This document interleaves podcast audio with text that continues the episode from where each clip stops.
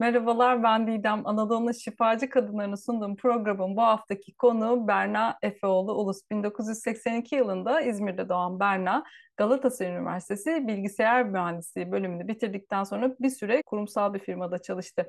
Yüksek lisansa başladığı dönemde yaşadığı hayata dair sorgulamaları başladı ve işi bırakıp kendi hikayesinin peşine düştü. Berna ile hikayesini ve yolculuğunu konuşacağız. Hoş geldin Berna. Hoş bulduk Didem, merhaba. Nasılsın? Teşekkür ederim. Gayet iyiyim, heyecanlıyım, meraklıyım. Ben de aynı şekilde öyle. Bu alanda olduğun için ve davetimi kabul edip geldiğin için ben çok teşekkür ediyorum sana. Ben ben teşekkür ederim. Layık gördüğün için buraya. Estağfurullah ne demek. Her hikayede olduğu gibi senin hikayen de çok ilham verici. O gerçekten de sesinin peşine düşmüşsün. Kendi hikayenin peşine düşmüşsün. O anlamda çok kıymetli. Hikayeni bir de senden dinleyelim. Başta söylediğin gibi 1982 yılında İzmir'de doğdum. Hikayenin ilk kısmında aslında hani belki pek çoğumuz için tanıdık. İşte çalışkan bir öğrenci, uyumlu, pek sorun çıkarmayan bir evlat olarak İzmir'de büyüdüm. Bir kardeşim vardı. Böyle bir çekirdek aile, e, dört kişilik bir aileydik. Hala öyleyiz çok şükür. Senin de söylediğin gibi aslında Galatasaray Üniversitesi'nde bilgisayar mühendisliği okudum. Aslında böyle bir her, hep matematiğe bir yatkınlığım vardı ve aslında biraz da hani çalışkan öğrencilerin birazcık yolu ya da kaderi de böyledir ya. Öyle bir geleceğe doğru yönlendirildim. Ve hani burada şunu da söylemem lazım aslında ben de bu seçimin içindeydim. Yani buna karşı çıkan bir tarafım yoktu. Belki öyle bir bilincim, öyle bir farkındalığım yoktu kendime dair. Yani bugün baktığım nokta gibi bir noktada değildim o zamanlar. Ben de biraz benzer bir yerdeydim. Ve bir şekilde hayat beni aslında gayet de iyi diyebileceğim bir yerlere götürdü bir bakış açısıyla. Peki taraftan... mesela bilgisayar mühendisliğini özellikle mi istedin yoksa mühendislik bölümlerini yazdın ve hangisi tutarsa? Ya şöyle diyeyim yani o zaman için bilgisayar mühendisliği ve endüstri mühendisliği çok favori mesleklerdi. Belki hala öyledir, belki yenileri eklenmiştir bilmiyorum. Ben de babam sağ olsun beni böyle bir endüstri mühendisi arkadaşıyla tanıştırdı o zaman. İşte onun çalıştığı fabrikaya gittik, orayı gözlemledim falan. Ve bana hiç keyifli gelmedi açıkçası. Ve işte ya tamamen böyle matematiksel bir bakış açısıyla e, işte burası matematik ağırlıklı, böyle bir fabrikada değil de ben böyle bir yolu seçeyim deyip bilgisayar mühendisliği seçtim. Yani hani o ikisi arasından aslında. Yani ne tıp olabilirdi belki alternatif ama hiç öyle bir isteğim zaten yoktu. Babam da mühendis bu arada. Annem fen bilimleri öğretmeni. Emekliler şimdi ikisi de. Yani ailede böyle zaten matematiğe bir yatkınlık vardı ister istemez. O yüzden ben de hani o seçenekler içinde en ideal ve en böyle iyi olanı dahil olabildiğim yolu seçmiş oldum bu süreçte. Hı hı. Peki nasıl bir ailede büyüdün? Annenle babanla ilişkin nasıldı? Sen nasıl bir çocuktun? Evet, uslu bir çocuktun ama Hı hı. hani iç dünyanda nasıl bir çocuktun? Neler oluyordu? Şimdi hikayenin başlangıcı böyle ama sonraki kısma bakarsak aslında böyle ne kadar hani o ailede desteklendiğim ve hani bugünlere dair ne kadar çok temel atıldığını da görebildiğim pek çok şey var. Annem de babam da ikimizi de yani kardeşimle ikimiz ya yani ikimizi de böyle bir çok desteklediler. Çok yönlü olmaya dair ve böyle elimizin altında aslında bir sürü deneyim olsun diye. Bu açıdan böyle gerçekten çok şükran doluyum. İkimiz de böyle piyano çalıyoruz küçük yaşlardan beri. Ben 6 yaşında piyano çalmaya başladım. İşte resim kurslarına giderdik, jimnastiğe giderdik, işte yüzmeye giderdik vesaire. Ve bu böyle şey değildi. Oradan oraya koşan işte o proje çocuklar gibi değil de gerçekten şeyi biliyordum hani bu çocuklar nefes nefes alacak bir yerleri olsun bu çocukların işte bir hobileri olsun, uğraştıkları ve hani kariyer hedefi olmadan, öyle bir kaygı olmadan hatta mümkünse hani hobi olarak bunları yapsınlar. Ve gerçekten de hani bu çok yönlülük beni çok besledi. Annem zaten çok yönlü bir kadın, öğrenmeye çok açık bir kadın. Hala öyle. Sürekli böyle yeni şeyler katmaya kendisi çok meraklı bir kadın ve çok sevdiğim bir yönü ve bu aynen bende de var. O yüzden aslında konuşacağız yani böyle birden çok alan var ve hepsine dair bir şeyler yapma isteği taşıyorum ve bütün bu hani hem bedeni dahil etmek hem müziği dahil etmek ve böyle bir birçok alanda derinleşmek bana hep çok iyi geliyor ve çok yakın hissediyorum. Ben sessiz sakin bir çocuktum. Biraz böyle dinleyen, daha çok. E, bazıları daha konuşmaya yatkındır ya ben biraz daha hani sessiz olandım. İçine Ve kapanık hani mı peki yani aa, öyle bir yer mi yoksa içe kapanık değil ama içe dönük diyebilirim sanırım biraz Hmm. daha. Sözümü söylemek için çok fazla o alanı açabilen de biri değildim. Bu da aslında benim hani zaman içinde iyileştirdiğim kendimi yerlerden biri. Doğalından çok rahat konuşan biri hiçbir zaman olmadım. Hani hep zaman kollamak ya da orayı açmak için bir efor sarf etmem gerekirdi.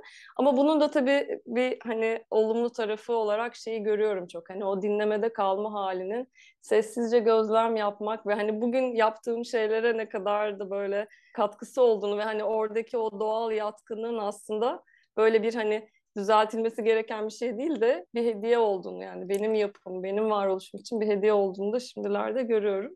Ama o zamanlar böyle hani keşke biraz daha işte atak olsam, keşke biraz daha konuşsam falan diyordum tabii ki. Hani o da böyle daha ideal olandır ya hani kendini göstermek. Ben biraz daha böyle hani sınıfta hep ikinci sırada oturan, böyle hep bir adım geride duran ama aslında en başarılı olan öğrenciydim diyeyim. Sessiz ve orada, orada olan öyle bir süreçti.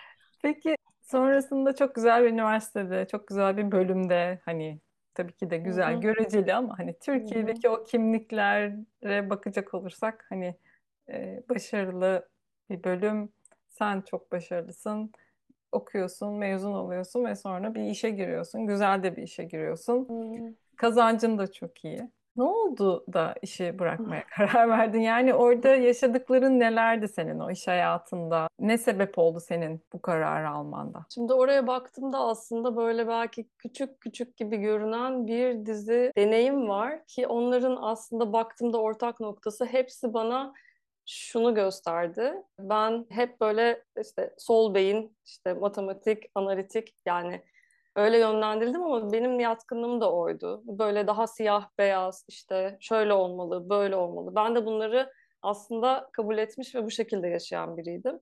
Ve o dönem yaşadığım böyle hani kişi- kişisel, irili ufaklı birkaç şey bana şunu gösterdi ki o kadar basit değil. Ve hani bu kafama, zihnime, mantığıma uysa da bir şeylerin içinde iyi hissetmediğimi fark ettim. Sadece göründüğü kadar değil. Bir şey olması gerekiyor. Öyle mi acaba?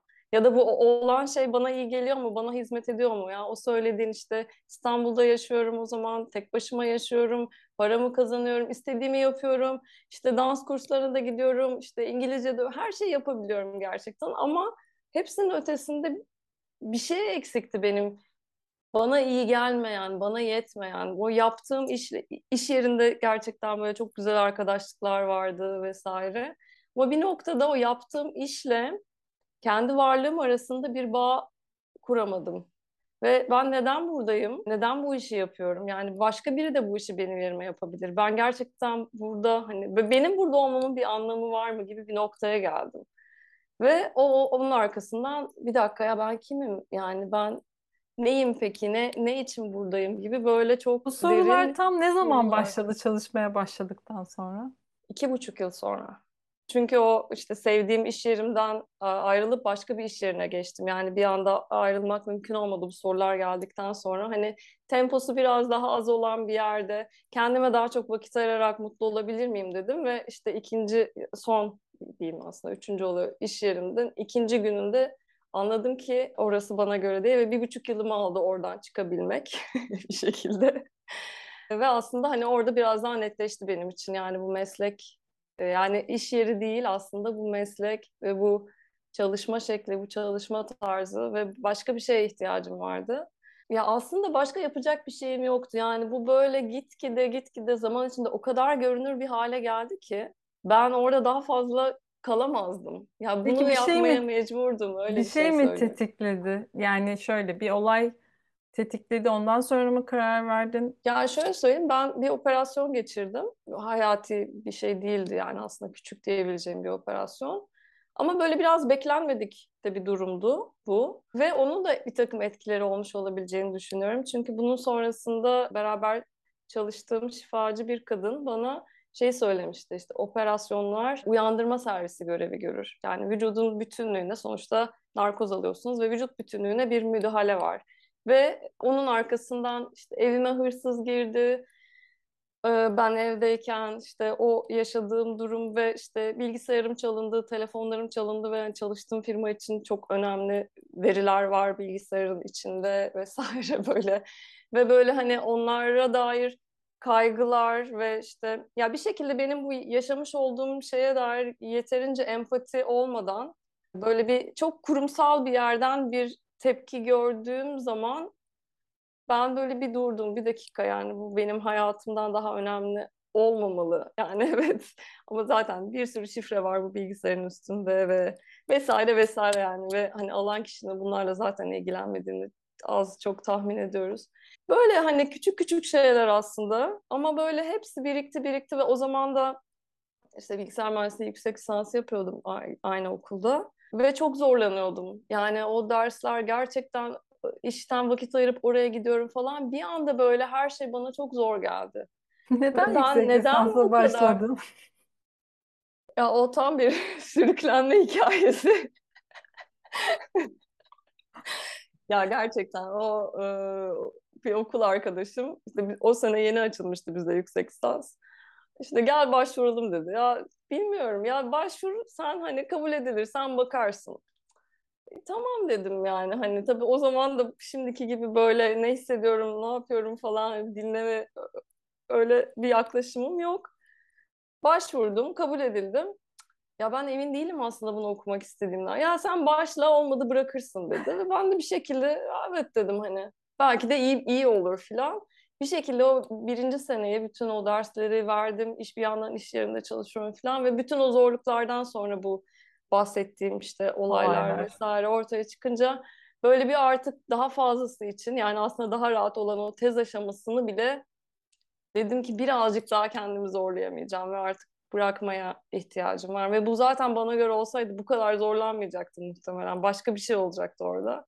Ve o tabii o da çok böyle bir anlaşılmayan bir karardı çevrem tarafından. Ya bu kadar ders vermişsin en zor kısmı bu emin misin falan ama neyse ki o noktada artık o şey içteki o biliş birazcık ortaya çıkmaya başladı ve pişman değilim gerçekten yani onu iyi ki yani çok bile kalmışım ama onu bitirmiş bırakmış olmak benim için çok doğru bir karardı o zaman için. Peki Şu istifa ederken korkmadın mı? Yani ne iş yapacaksın, nasıl geçineceksin, ailene ne söyleyeceksin? Çünkü e, yani ailen sana demedim hiç evladım, çocuğum ne güzel mühendislik okudun, ne güzel de işim var. Hani senin derdin ne?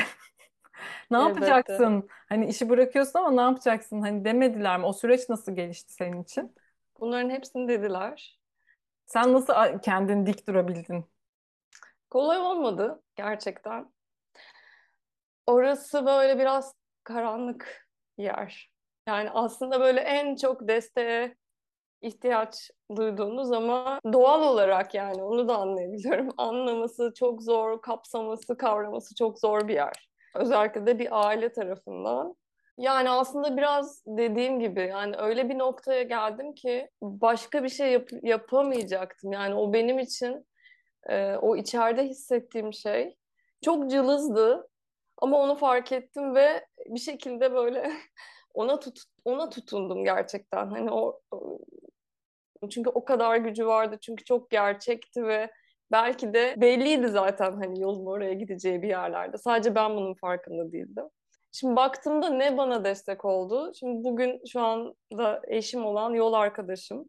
O gerçekten hani etrafımda olup böyle benim aklımı kaçırdığımı düşünmeyen ve bunu denemek istiyorsam gerçekten denemeye değer bir yol diyen biriydi ve onun varlığı çok destek oldu. Gerçekten ona hala çok müteşekkirim. Ailem de e, evet onlar için tabii ki zordu.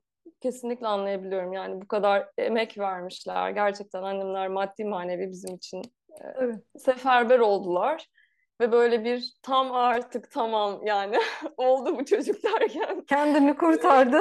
Bize de ihtiyacı yok. Evet, evet. Yani o noktada bunu anlamak onlar için zor olmasına rağmen beni yine de yapabildikleri kadar desteklediler. Yani maddi olarak desteklediler. Manevi olarak belki zorlandılar ama yine de karşımda durmadılar.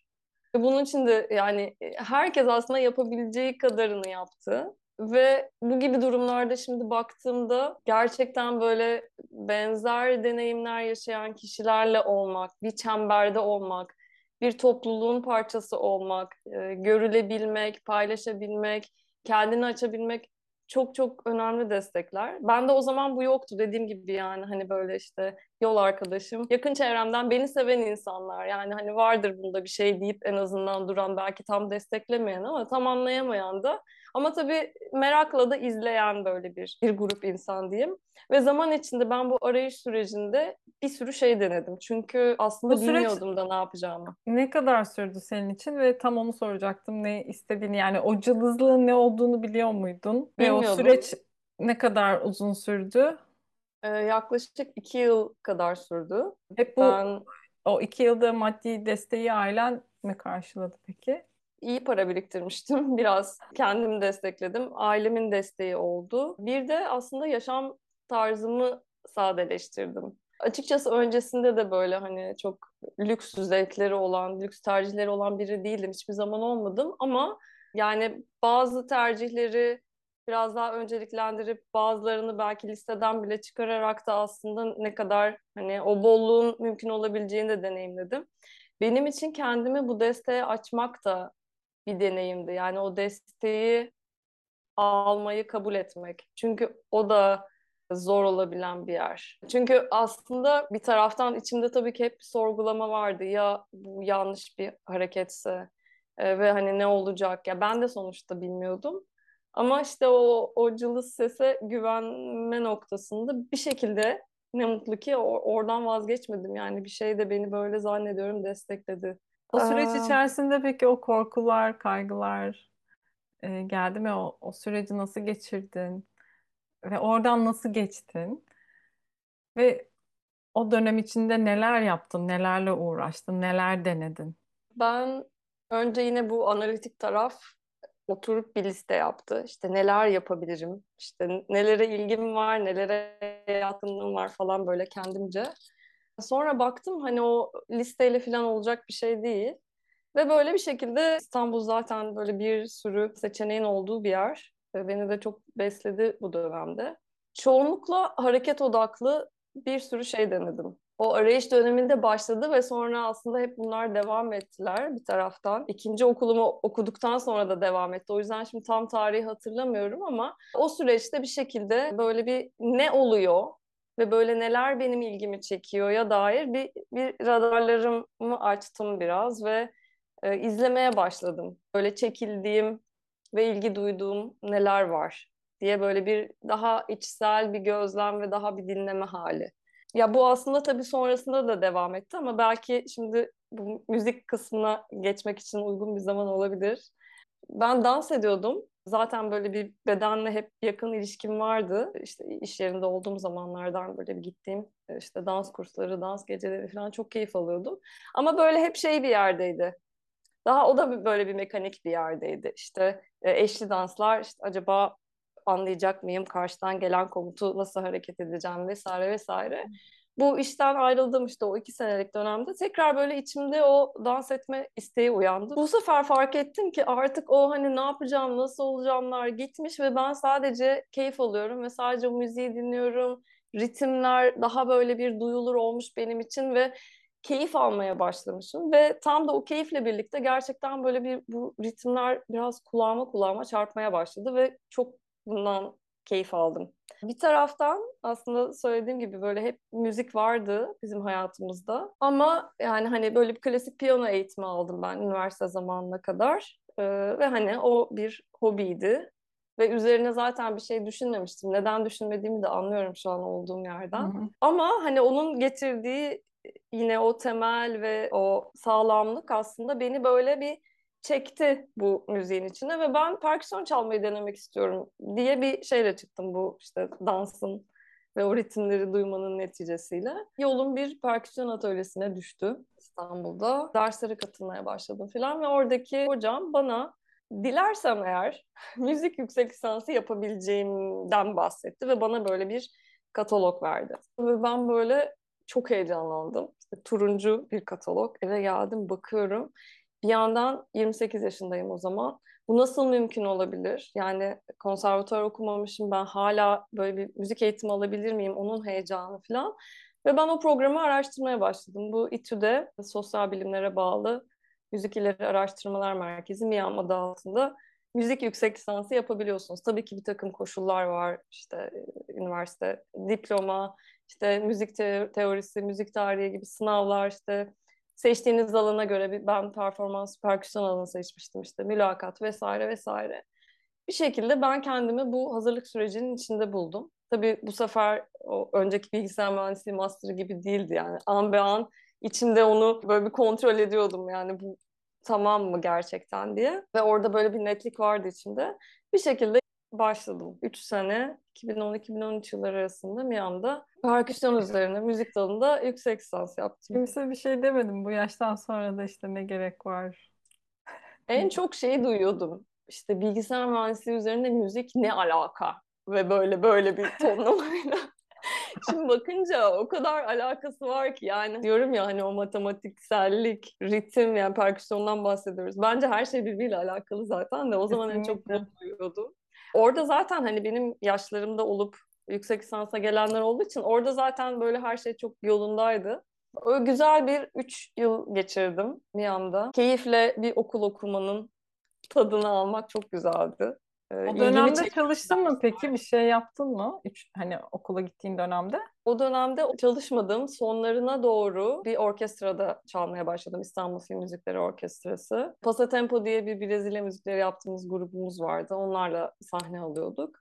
Böyle bir hani küçük küçük projeler oluyordu. Sonrası nasıl hikayenin? Müzik, dans bunların hepsinden sonra e, İspanya'da ses şifası eğitimi e, hmm. almışsın. Hani evet. oraya gelene kadarki süreç nasıl geçti ve o ses şifası eğitiminden de bahseder misin? Nasıl Hı-hı. etkiledi seni?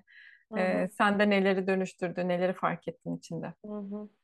Şimdi perküsyonun hayatıma böyle resmi olarak girmesinden sonra aslında tamam budur hissi olmadı. Yani evet hani şu an iyi bir yerlerdeyim. Evet hı hı, müzik hı. kesinlikle bu var. Ama böyle bir şeyler daha var yani. Bilmiyorum bir noktada tamam budur diyecek miyim gerçekten. Hani şu an çok mutluyum hayatımda olan ve meşgul olduğum şeylerden ama o hep bir hani araştırma, hep evet. böyle bir büyüme hali devam ediyor ya.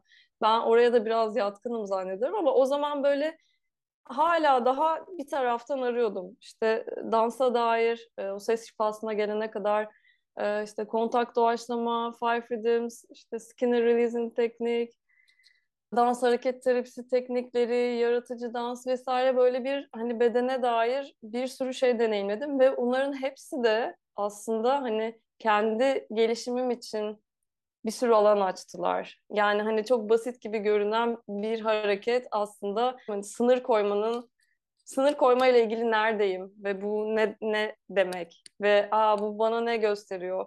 Yani böyle şeyi hep seviyordum hala da öyle. Hani olanın daha ötesinde ve derininde ne var? Buralara bakmak ve o yüzden hani bu çalışmaların hepsi bunlar tabii klasik dans eğitimleri değildi ama daha çok böyle bir farkındalıkla hareket çalışmaları diyebileceğim böyle genel başlık. Hepsinden çok beslendim. Bir taraftan çember hayatıma girdi. The Way of Counsel. Ve oradaki o kalpten konuşma, kalpten dinleme, işte bir aradalık, bunlar aslında hala şu an hani bil fiil çembere oturmasam dahi hayatımı böyle çok kökten etkilemiş ve ilk tanıştığımda e, e, böyle değil mi zaten gibi böyle çok da tanıdık bir yerden bana ulaşmış şeyler. O yüzden çok memnunum çemberle tanıştığıma ve böyle buluştuğuma. Ses şifasına gelene kadar tabii e, şuraya tekrar döneceğim. Müzik okuduğum zaman bizim bir koro dersimiz vardı. İşte solfej çalışıyorduk falan ve ben bugüne kadar sesime dair, ya yani sesimi hiç kullanmamıştım. Ve böyle hep içimde şey vardı. Keşke sesim güzel olsaydı ve ben de şarkı söyleyebilseydim. Bu çok net bir bilgiydi benim için.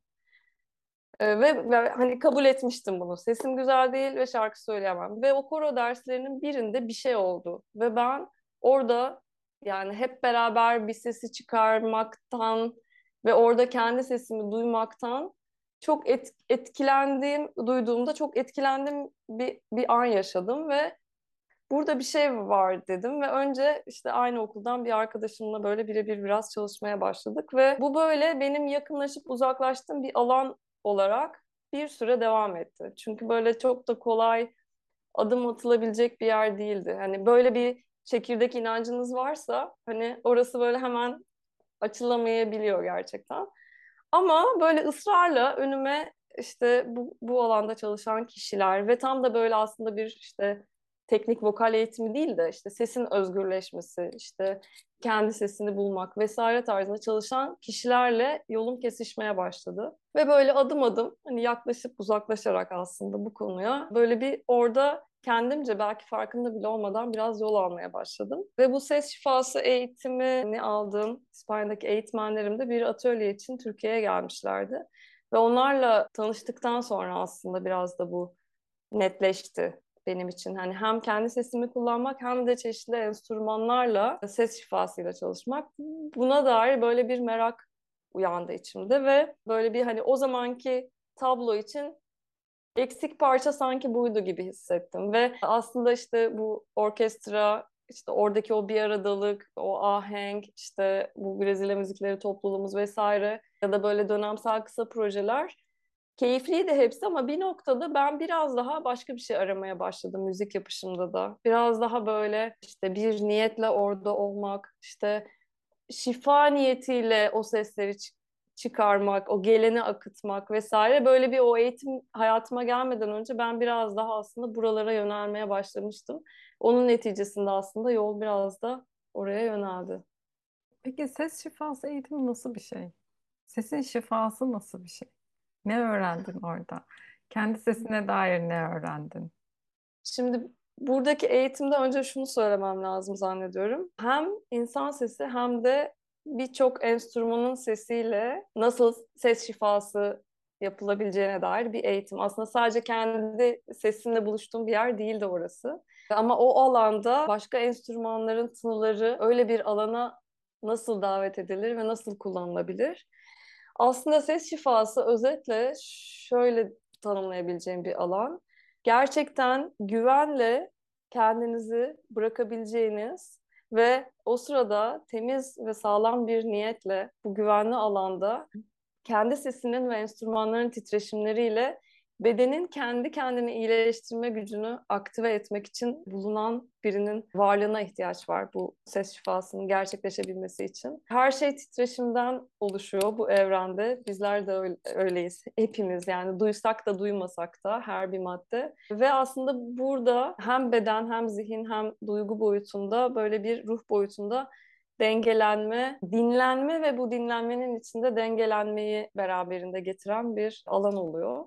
Sesimle ilgili sorduğun soruya dönecek olursak o bu eğitimden sonra da devam etti. Hatta açılarak belki de devam ettiğini söylemem lazım. Hani hala da devam ediyor aslında bakarsan.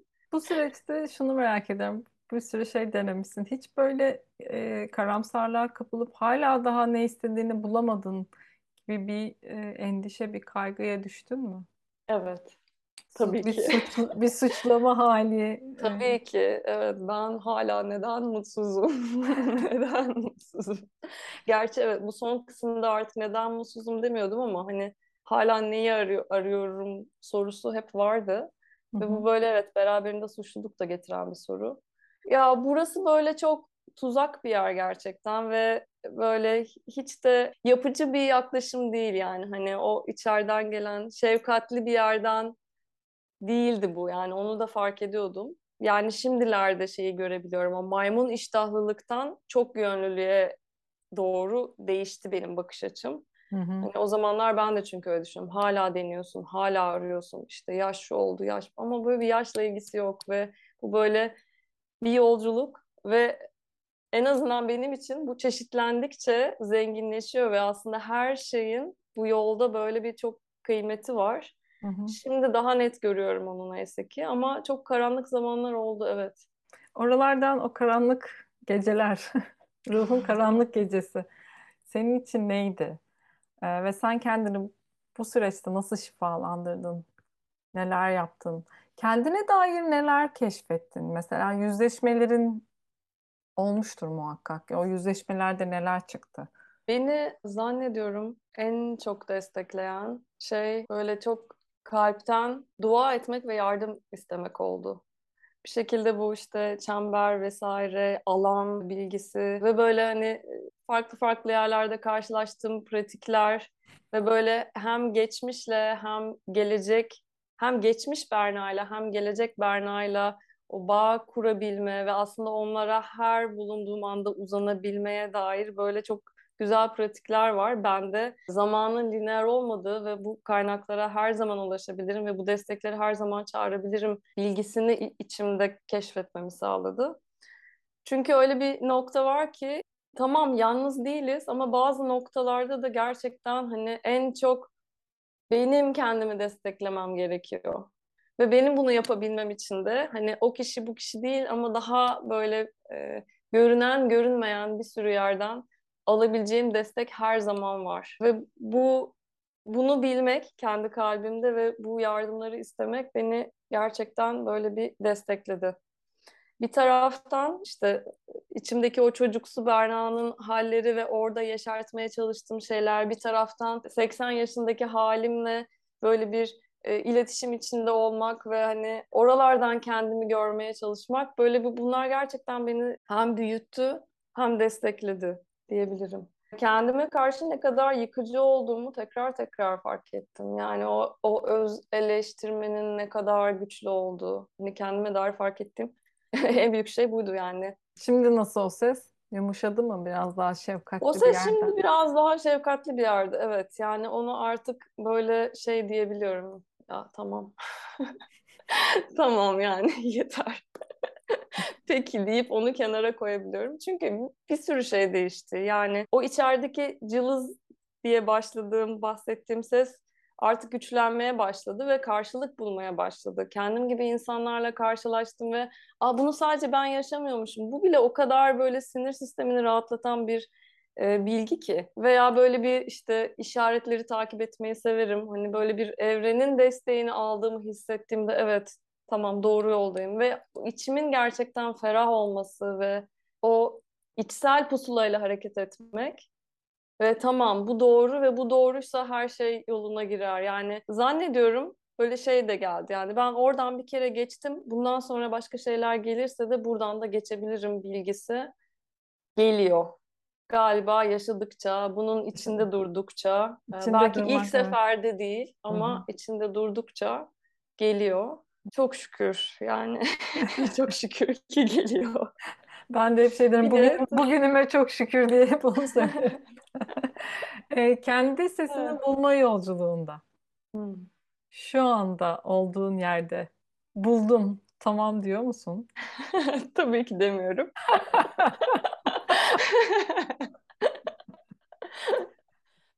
Ama bu yolculukta olduğum için bile böyle gerçekten kutluyorum kendimi ve böyle çok da şükran doluyum bütün yoluma çıkan hocalara, işaretlere, kişilere. Çünkü hani o şarkı söyleyemem diyen kızdan şimdi böyle bir yere evrildi. E, buradan kim bilir nereye evrilir bilmiyorum ama şu anki halimle gayet memnunum aslında. Bu yolda olma hali bana çok iyi geliyor. Hı hı. Bunu paylaşma hali de çok iyi geliyor. Bir anımı paylaşacağım. O çok canlı geldi. Sevgili Filiz sağ olsun Filiz Telek onun böyle bir ön ayak olmasıyla Korfu'da Sundance Silence Festivali'nin işte Listen haftasında ve dinleme haftasında gönüllü olarak oraya gittim. Orada yapılması gereken işleri yapıyorsunuz ve işte katılıyorsunuz. İşte sabahtan akşama kadar şifalı müziklerle yıkandık. Yani böyle bir gerçekten ruhumu yıkandığını hissettim ve orada böyle çok etkileyici anlar vardı. Bu benim ses şifası eğitimini almamdan bir yıl önce oluyor bu arada. Ve aslında tam bunun üzerine hocalarımla tanıştım. Orada böyle bir ritüel anında böyle içimde aynı anda beliren iki şey oldu ve o süre içinde ben sesimi bulmak ve işte şarkı söylemek, sesimin ifadesinden uzaklaşmış bir yerdeydim ve dedim ki demiştim ki yani tamam hani bu bu kadar sanırım. Burada bir şey yok benim için. Bir taraftan da o festival çok, gerçekten çok güzeldi. Hala böyle çok keyifli hatırlıyorum.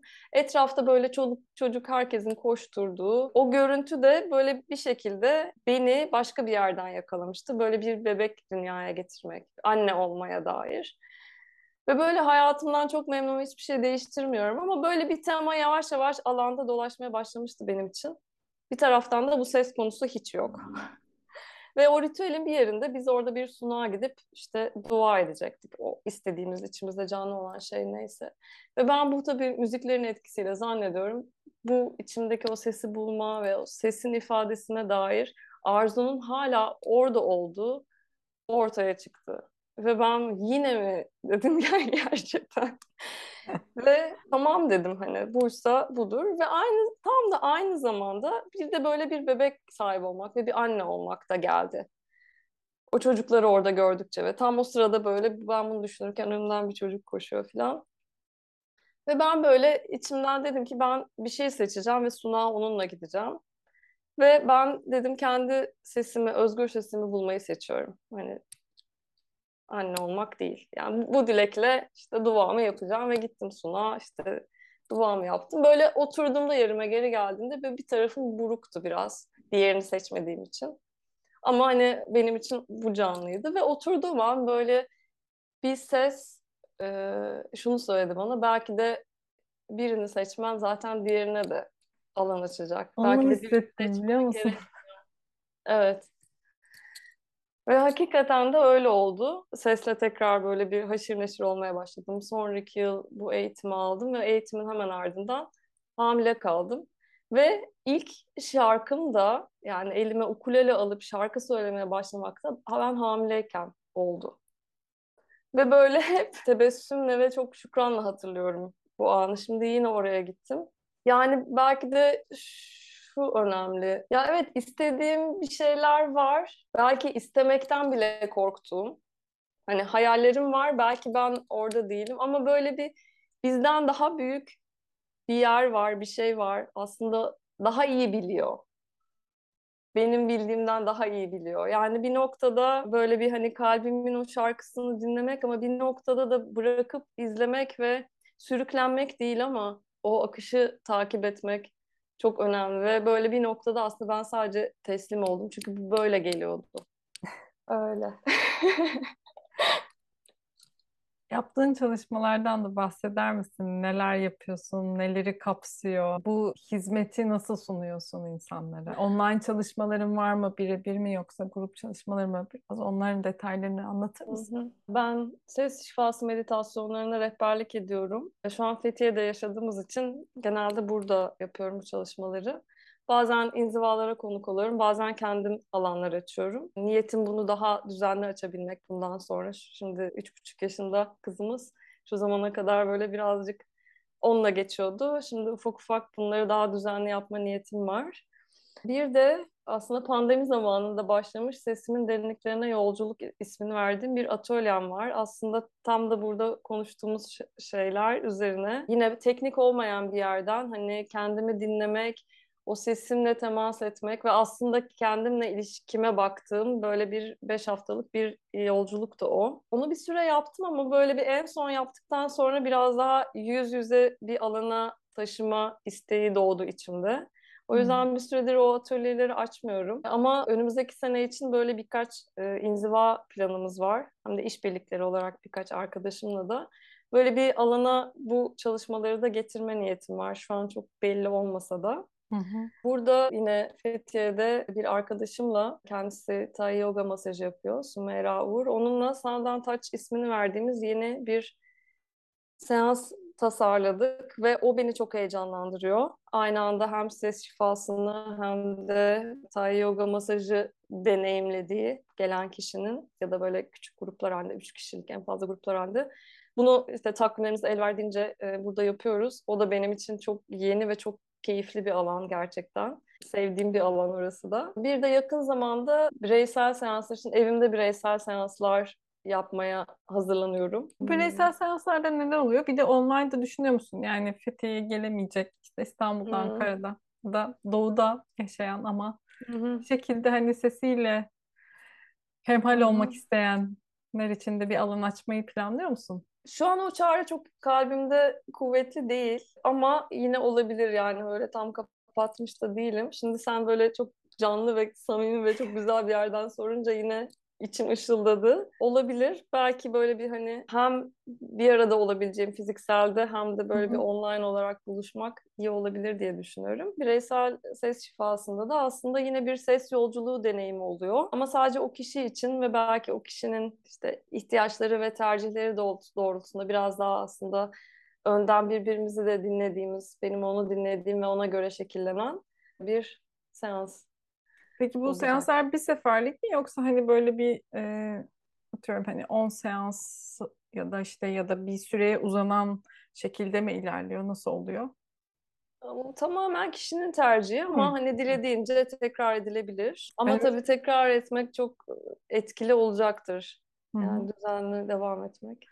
E, bu bahsettiğin önümüzdeki dönem çalışmalarını da ne zaman duyuracaksın? Instagram'dan mı duyuracaksın? Onu da hani belki takip etmek duyuracağım. isteyenler olur. E, oradan Aha. bakabilirler mi? Aynen, aynen. Instagram'dan duyuruyor olacağım. Aslında en yakınında belki söyleyebilirim. Sevgili Filiz Telek'in bir inzivasına konuk olacağım. Konuk kolaylaştırıcı. 24-27 Kasım Hı hı. tarihlerinde Fethiye'de Darmapur İnziva Merkezi'nde olacağız. Ben de ses şifası, ses, şarkılar, müzik ve hatta danslarla orada olacağım. Onun için heyecanlıyım. Diğer duyuruları da evet Instagram'dan paylaşıyor oluyorum zaten. Ve yolda olanlara ne söylemek istersin? Yolda olanlara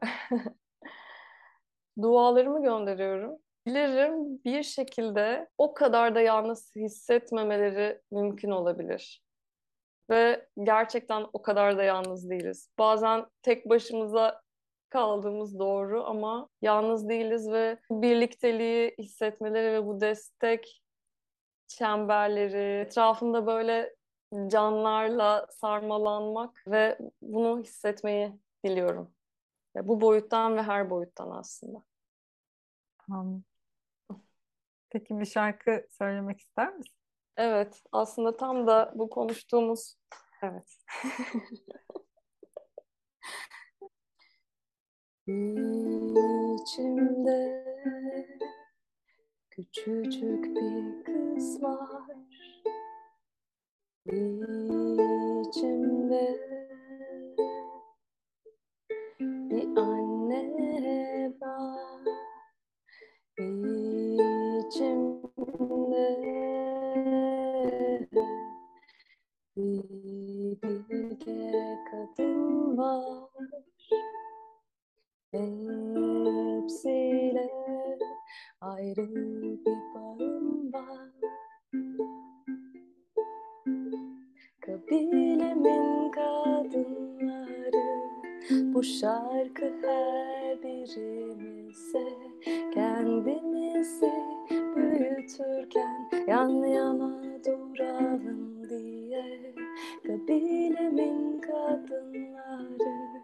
bu şarkı her birimize kendimizi hatırlarken can cana olalım diye.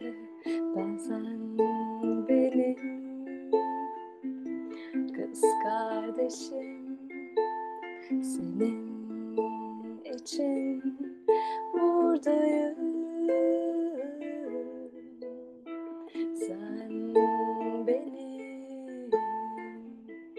kız kardeşim bizim için buradayım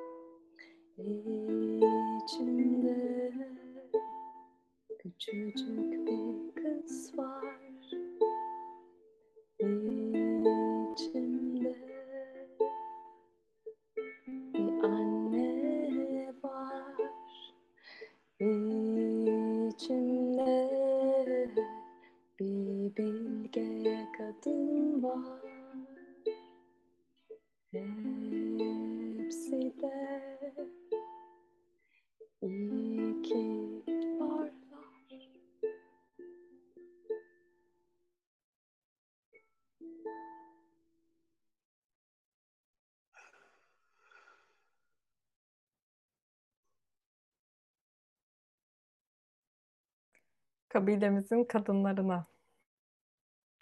Kabilemizin kadınlarına destek olsun. Ve dinleyen erkeklere de olsun. Onlar da yalnız değiller.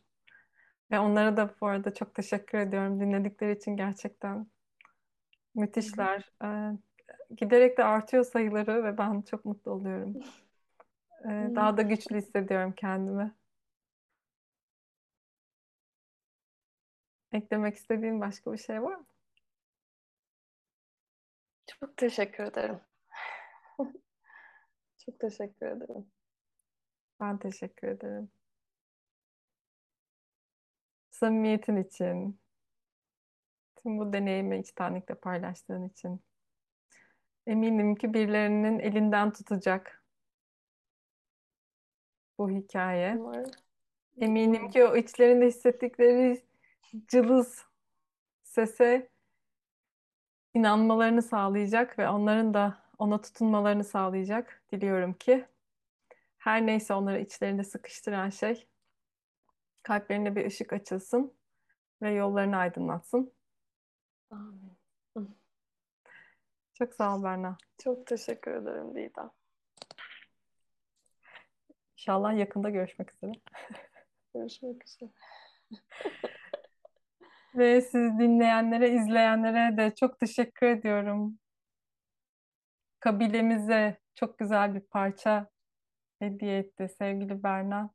Hepimizin ruhuna, kalbine değsin, şifa olsun.